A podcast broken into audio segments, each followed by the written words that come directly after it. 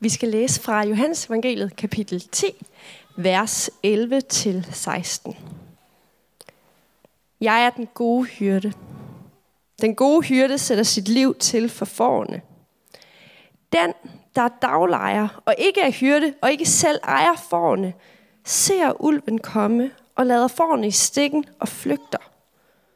Og ulven går på rov i blandt dem og jager dem fra hinanden, for han er daglejer og ligeglad med forne. Jeg er den gode hyrde. Jeg kender mine får, og mine får kender mig.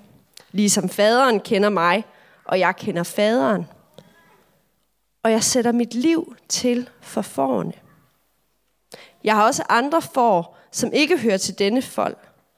Også dem skal jeg lede, og de skal høre min røst, og der skal blive en hjort, en hyrde.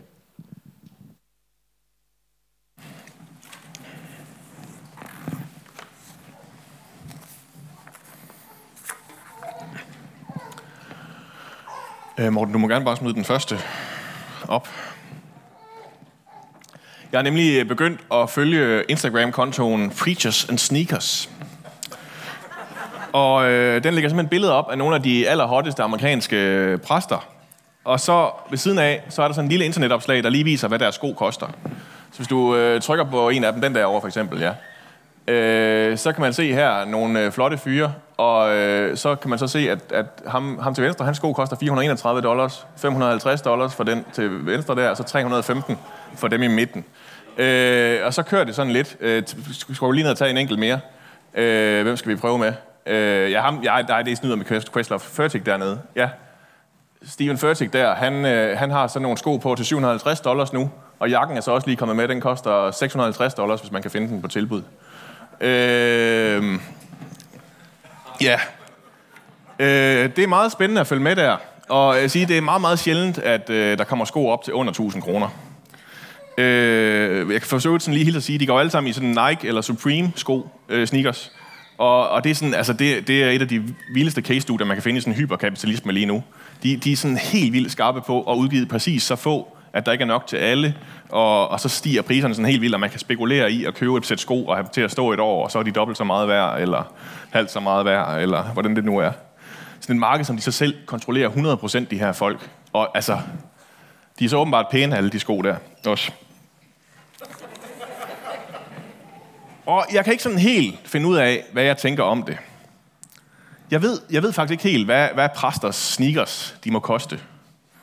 Jeg synes godt, Bibelen kunne have været lidt tydeligere på det her punkt. Der står simpelthen ingenting, og der er jo ellers mange regler. Der er for eksempel et påbud om, at præsten skal bære underbukser. Øh, man må ikke blot sit køn for herren, står der. Øh, sådan noget gider Gud ikke se på. Og den, den, den opfordring har jeg også været ved at lure, hvor mange præster, der følger. Men det er varmt under sådan en præstekjole her. Men tilbage til Preachers and Sneakers.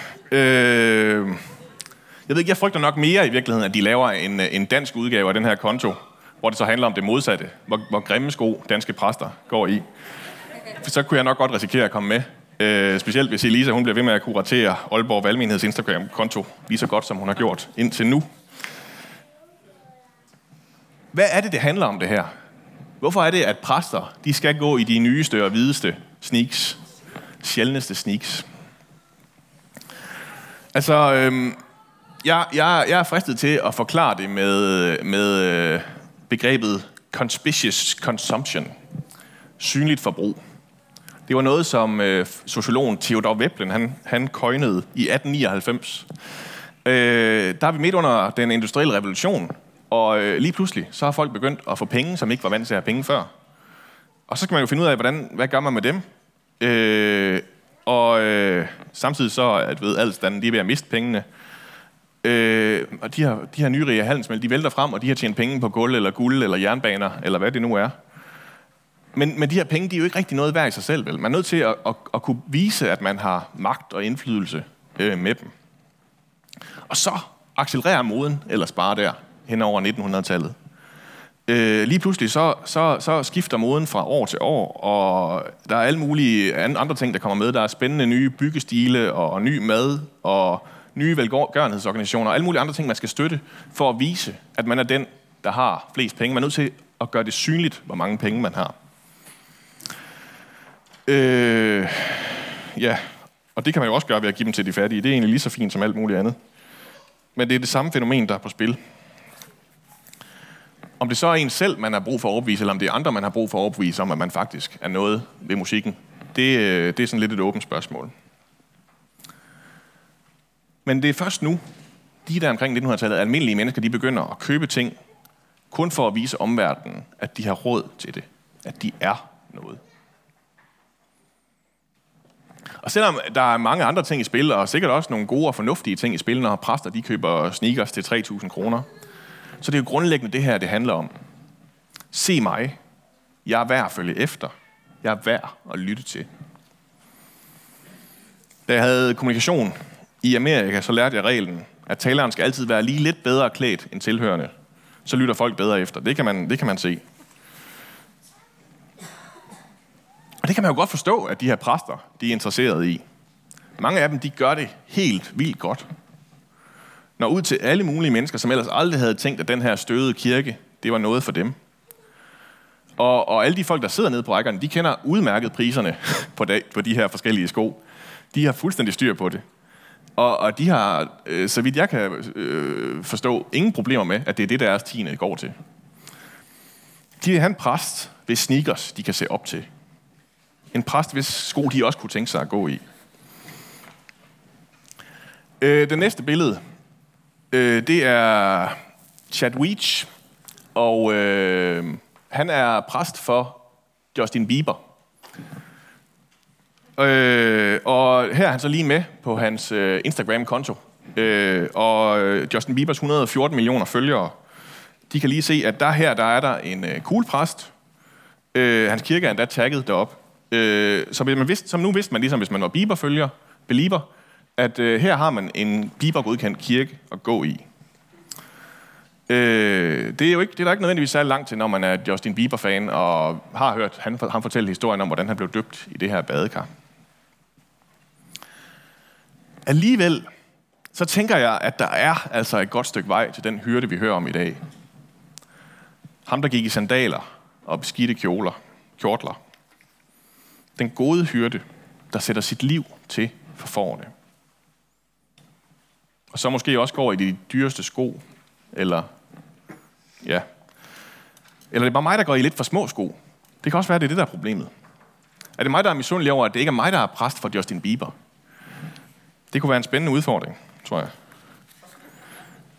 Hvorfor skal vi høre så meget om præstesko i dag? Jeg har, jeg har altid været meget, meget fascineret af kirkens bagside. Når kirken svigter mennesker. Og det skulle jeg helt sige, det er der også en kæmpe underskov af på det mørke internet, man kan følge. Historier om kirker, hvor folk har været udsat for alle mulige slags misbrug. Og det værste er, det er næsten bagefter, når de så skal til at at dække det, skjule det til kirken, for at, øh, fordi man vil jo simpelthen ikke skade kirkens image. Det er jo det aller værste, der kan ske. Og jeg ved ikke helt, hvorfor jeg går så meget op i det her, alle kirkesvigtene. Det er ikke fordi, jeg sådan for alvor selv har noget at udsætte på kirken. Da jeg læste teologi i Amerika, så skulle vi skrive vores kirkeselvbiografi i et af fagene. Og der var jeg lige ved at dumpe, fordi et af punkterne, der skulle vi skrive om de svigt, vi havde oplevet i kirken. Og det var ligesom om min historie om dengang, jeg ikke fik et glansbillede, selvom jeg havde været fem gange i søndagsskole. Øh, det var ikke sådan helt nok.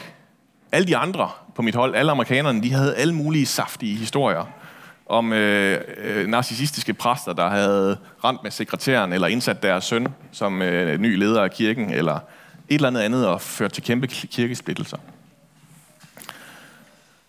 Og selvom jeg har de oplevelser til gode, så har jeg alligevel altid været meget bevidst om, at vi i kirken rammer uendeligt langt fra det mål, som Jesus sætter. Rammer uendeligt langt fra den hyrdestandard, som Jesus sætter. Og det er der jo egentlig ikke noget mærkeligt i nødvendigvis. det, tek, øh, fejlen den ligger faktisk allerede i den her tekst, vi har læst til i dag. Hyrden, den gode hyrde, sætter sit liv til for forerne. Det er der jo ingen hyrder, der kunne finde på at gøre. Det er jo faktisk omvendt. Det er forerne, der sætter sit liv til for hyrden. Det er dem, der bliver slagtet. For forhyrdens skyld, så han kan få noget at spise. Der er et eller andet galt med det her billede. Det stemmer ikke. Der er meget, der giver helt vildt god mening ved billedet på Jesus som forhørte. I passagen har han talt om, hvordan forerne kan genkende hyrdens stemme, hvordan forerne de stoler på hyrden, og det er ham, der leder dem hen til der, hvor der er mad og vand at få. Og der er alle mulige andre små, fine nuancer i det at være hyrde, som passer perfekt på den relation, øh, man også har til Jesus, når man tror på ham. Og så kommer den her lille sætning. Den gode hyrde sætter sit liv til for forerne, som er noget vrøvl. Og som ikke engang nødvendigvis er rigtigt bare i sig selv. For en død hyrde, det er altså heller ikke nogen særlig god eller funktionsdygtig hyrde at have. Den kan man heller ikke bruge til noget. De fleste af os har prøvet at have ledere i mange forskellige sammenhænge. Vi har prøvet at have gode ledere, vi har prøvet at have dårlige ledere, vi har prøvet at have en masse sådan et eller andet sted midt imellem. Men jeg tvivler på, at ret mange af os har prøvet at have en hyrde, der ville dø for os. En leder, der ville dø for os. Jesus han vil ikke bare være hyrde. Han vil være noget mere end en hyrde. Og måske kan vi komme lidt tættere på billedet. Hvis jeg spørger jer, der er forældre, om I vil være villige til at give jeres liv for jeres børn. Lige tænke over det. Hvis jeg havde muligheden for at redde bare ét af jeres børn ved at ofre jer selv, hvor mange af jer ville så gøre det? Det er nok nogen flere, end hvis jeg spurgte om, jer om, hvor mange af jer, der vil give jeres liv for jeres husdyr eller jeres kæledyr. Det kan selvfølgelig også være, at der er nogen af dem. Fuld respekt for det. Øh, men men det, det er simpelthen der, vi er. Jesus han er ikke bare den gode hyrde. Han er i virkeligheden den gode far eller den gode mor. Den gode forælder, som sætter sit liv til for børnene. Mange af os har sikkert oplevet forældre, der overhovedet ikke kunne finde ud af det her. De er måske noget bedre til at ofre dig, end til at ofre sig selv. Men den gode forælder, den perfekte far eller mor, vil gøre alt for at ens barn lykkes, og er klar til at ofre sig selv for at redde dig. Og det er den helt perfekte far, det er Gud. Så er det det, der sker. Så er det sådan, livet fungerer. Og som i alle andre prædikentekster, vi havde været igennem her i den her prædikenserie siden påske, så er det i virkeligheden det, der er i spil. Jesus han ved, at han snart skal henrettes, og lidt lide den mest smertefulde død, at hans disciple, hans får, hans børn, kommer til at stå tilbage og ikke fat noget som helst af, hvad det er, der sker. Se hele deres mesters liv, og dermed også deres eget, som verdens største fiasko. Hvad i alverden skal de bruge en hyrde, der dør til? Alting. Det kræver bare lige lidt at forstå det. Paulus siger det sådan her i Romerbrevet. Øh, kommer den på, Morten? For mens vi endnu var svage for, døde Kristus for ugudelige, da tiden var inde. Der er næppe nogen, som vil gå i døden for en retfærdig. Måske vil man våge livet for en, som er god. Men Gud viser sin kærlighed til os, ved at Kristus døde for os, mens vi endnu var syndere. Absurditeten den bliver nærmest hævet nu igen. For den gode hyrde, han går ikke bare i døden for hans egne for, hans egne børn. Han går i døden for nogen, han har al mulig grund til at løbe skrigende væk fra. Jeg mister selv min tro på menneskeligheden sådan cirka en gang om ugen. Øh, sidst skete det, da jeg i fredag skulle forsøge at arrangere et GoMore-lift, øh, og Amlak ikke kunne forstå, hvorfor opsamlingsstedet ikke var Cirkel K, men at det var Julemærvej 28, og han ikke kunne finde fra Julemærvej 28 lige ned ad vejen, eller Cirkel K, så lige ind til Julemærvej 28, og jeg du ved med at skrive hej Pelle K, hej Pelle K, hej Pelle K. Og imens så svarede Anne Cecilie ikke på, på min besked, og Christian han stod så udenfor og ventede på at skulle med og komme med. Øh, bare sådan en lille en. Så tror jeg ikke, der er mere tro på menneskeheden tilbage i mig den dag. Men den her menneskehed, helt tilfældige mennesker, helt tilfældige dumme får, der løber i alle mulige retninger, dem går Jesus i døden for. For ham er vi nemlig meget mere end tilfældige husdyr. For ham er vi faktisk hans børn. Selvom vi er mere uregerlige end en gennemsnitlig treårig, så er vi hans børn. Både de får, vi selv synes skal med, men også dem, der hører til de andre folde og flokke. Også de får, som vi for alvor må ryste på hovedet af og sige, hvordan kan han nogensinde finde på at dø for dem? Dem offrer han sit liv for. Det gælder nok endda selv alle de der præster, der går i dyre sneakers, og Beeps og hans believers, og alle de andre, som tager så hovedrystende beslutninger, at jeg hiver mig selv i håret over det. I noget, der var virkelig langt fra at være birkenstoksandaler, så går Jesus selv op med sit kors på ryggen, op til Golgata, og går frivilligt i døden, og tager vores skyld med hans uskyld. Jesus han lever sit liv i selvopoffrelse. Han sætter sit liv til for sine får. Og det gør han, fordi han ikke er vores arbejdsgiver eller vores slagtemester. Han er vores far. Og hvis man forstår den måde at leve sit liv på, hvis man ønsker at se på andre mennesker med Jesu øjne, på den måde han ser dem på, så er den vej, vi skal ned af. Jeg er altid sådan lidt i tvivl om, hvordan jeg skal omtale øh, jer, min menighed her ude i byen, når folk spørger. Det er jo ikke en sovnekirke, så jeg kan ikke kalde jer mine sovnebørn. Så jeg kommer ret tit til at kalde jer mine får i stedet for, det må jeg undskylde. Og det ansvar, det er jeg sådan lidt nervøs for, om jeg nu kan leve op til. Det er ikke, fordi jeg er nogen god hyrde. Det der med at give sit liv for forne, det ved jeg ikke helt, om jeg er klar til endnu. Jeg synes, det er hårdt nok med alle de aftener, jeg giver fra forne, når jeg skal holde møder. Og derfor så er det ikke mig, der er den gode hyrde. Det er ham, Jesus, den gode hyrde, der leder den her kirke på græs. Det er Jesus, der giver os vand at drikke, og det er Jesus, der beskytter os mod de farlige dyr. Men samtidig, så bruger han også os. Så giver han også kald og opgaver.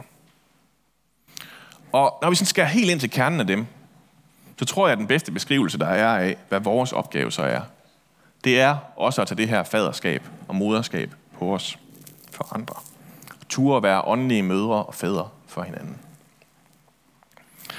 Paulus han bruger metaforen om sig selv i øh, sit brev til Thessalonikerne.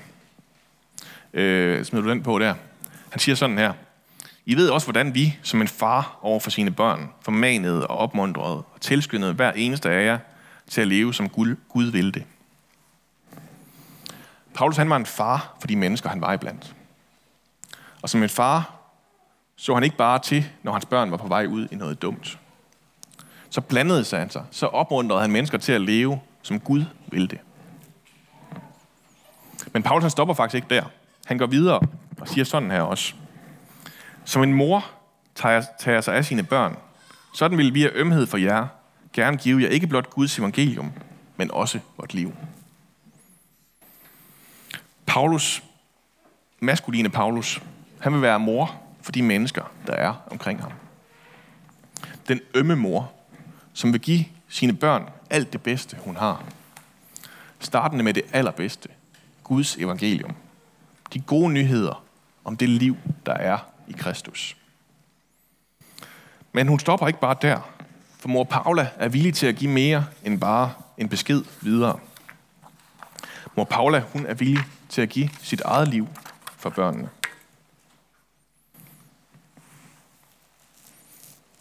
Jeg ved ikke helt, hvordan man kommer derhen.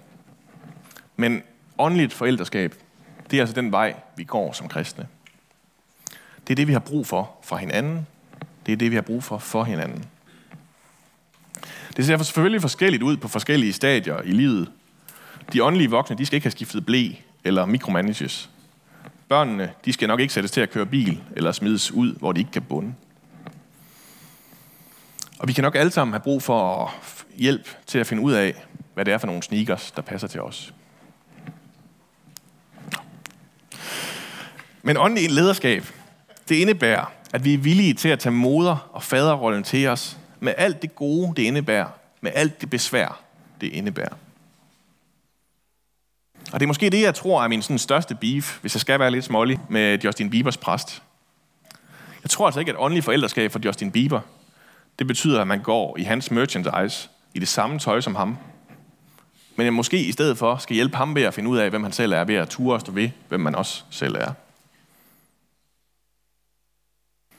Og når vi så alligevel går grueligt galt i den, som også er forældreskabets ulyksalige rolle, og indser, at vi ikke kan frelse nogen, ikke engang vores egne børn, ja, så beder vi en bøn til ham, der kan i stedet. Og så glæder vi os over, at den gode hyrde og den gode far og mor er den, der i sidste ende har styr på det hele. For han har en gang for alle givet os sit liv ved at miste sit eget. Amen. Jesus, tak fordi, at du er den gode hyrde.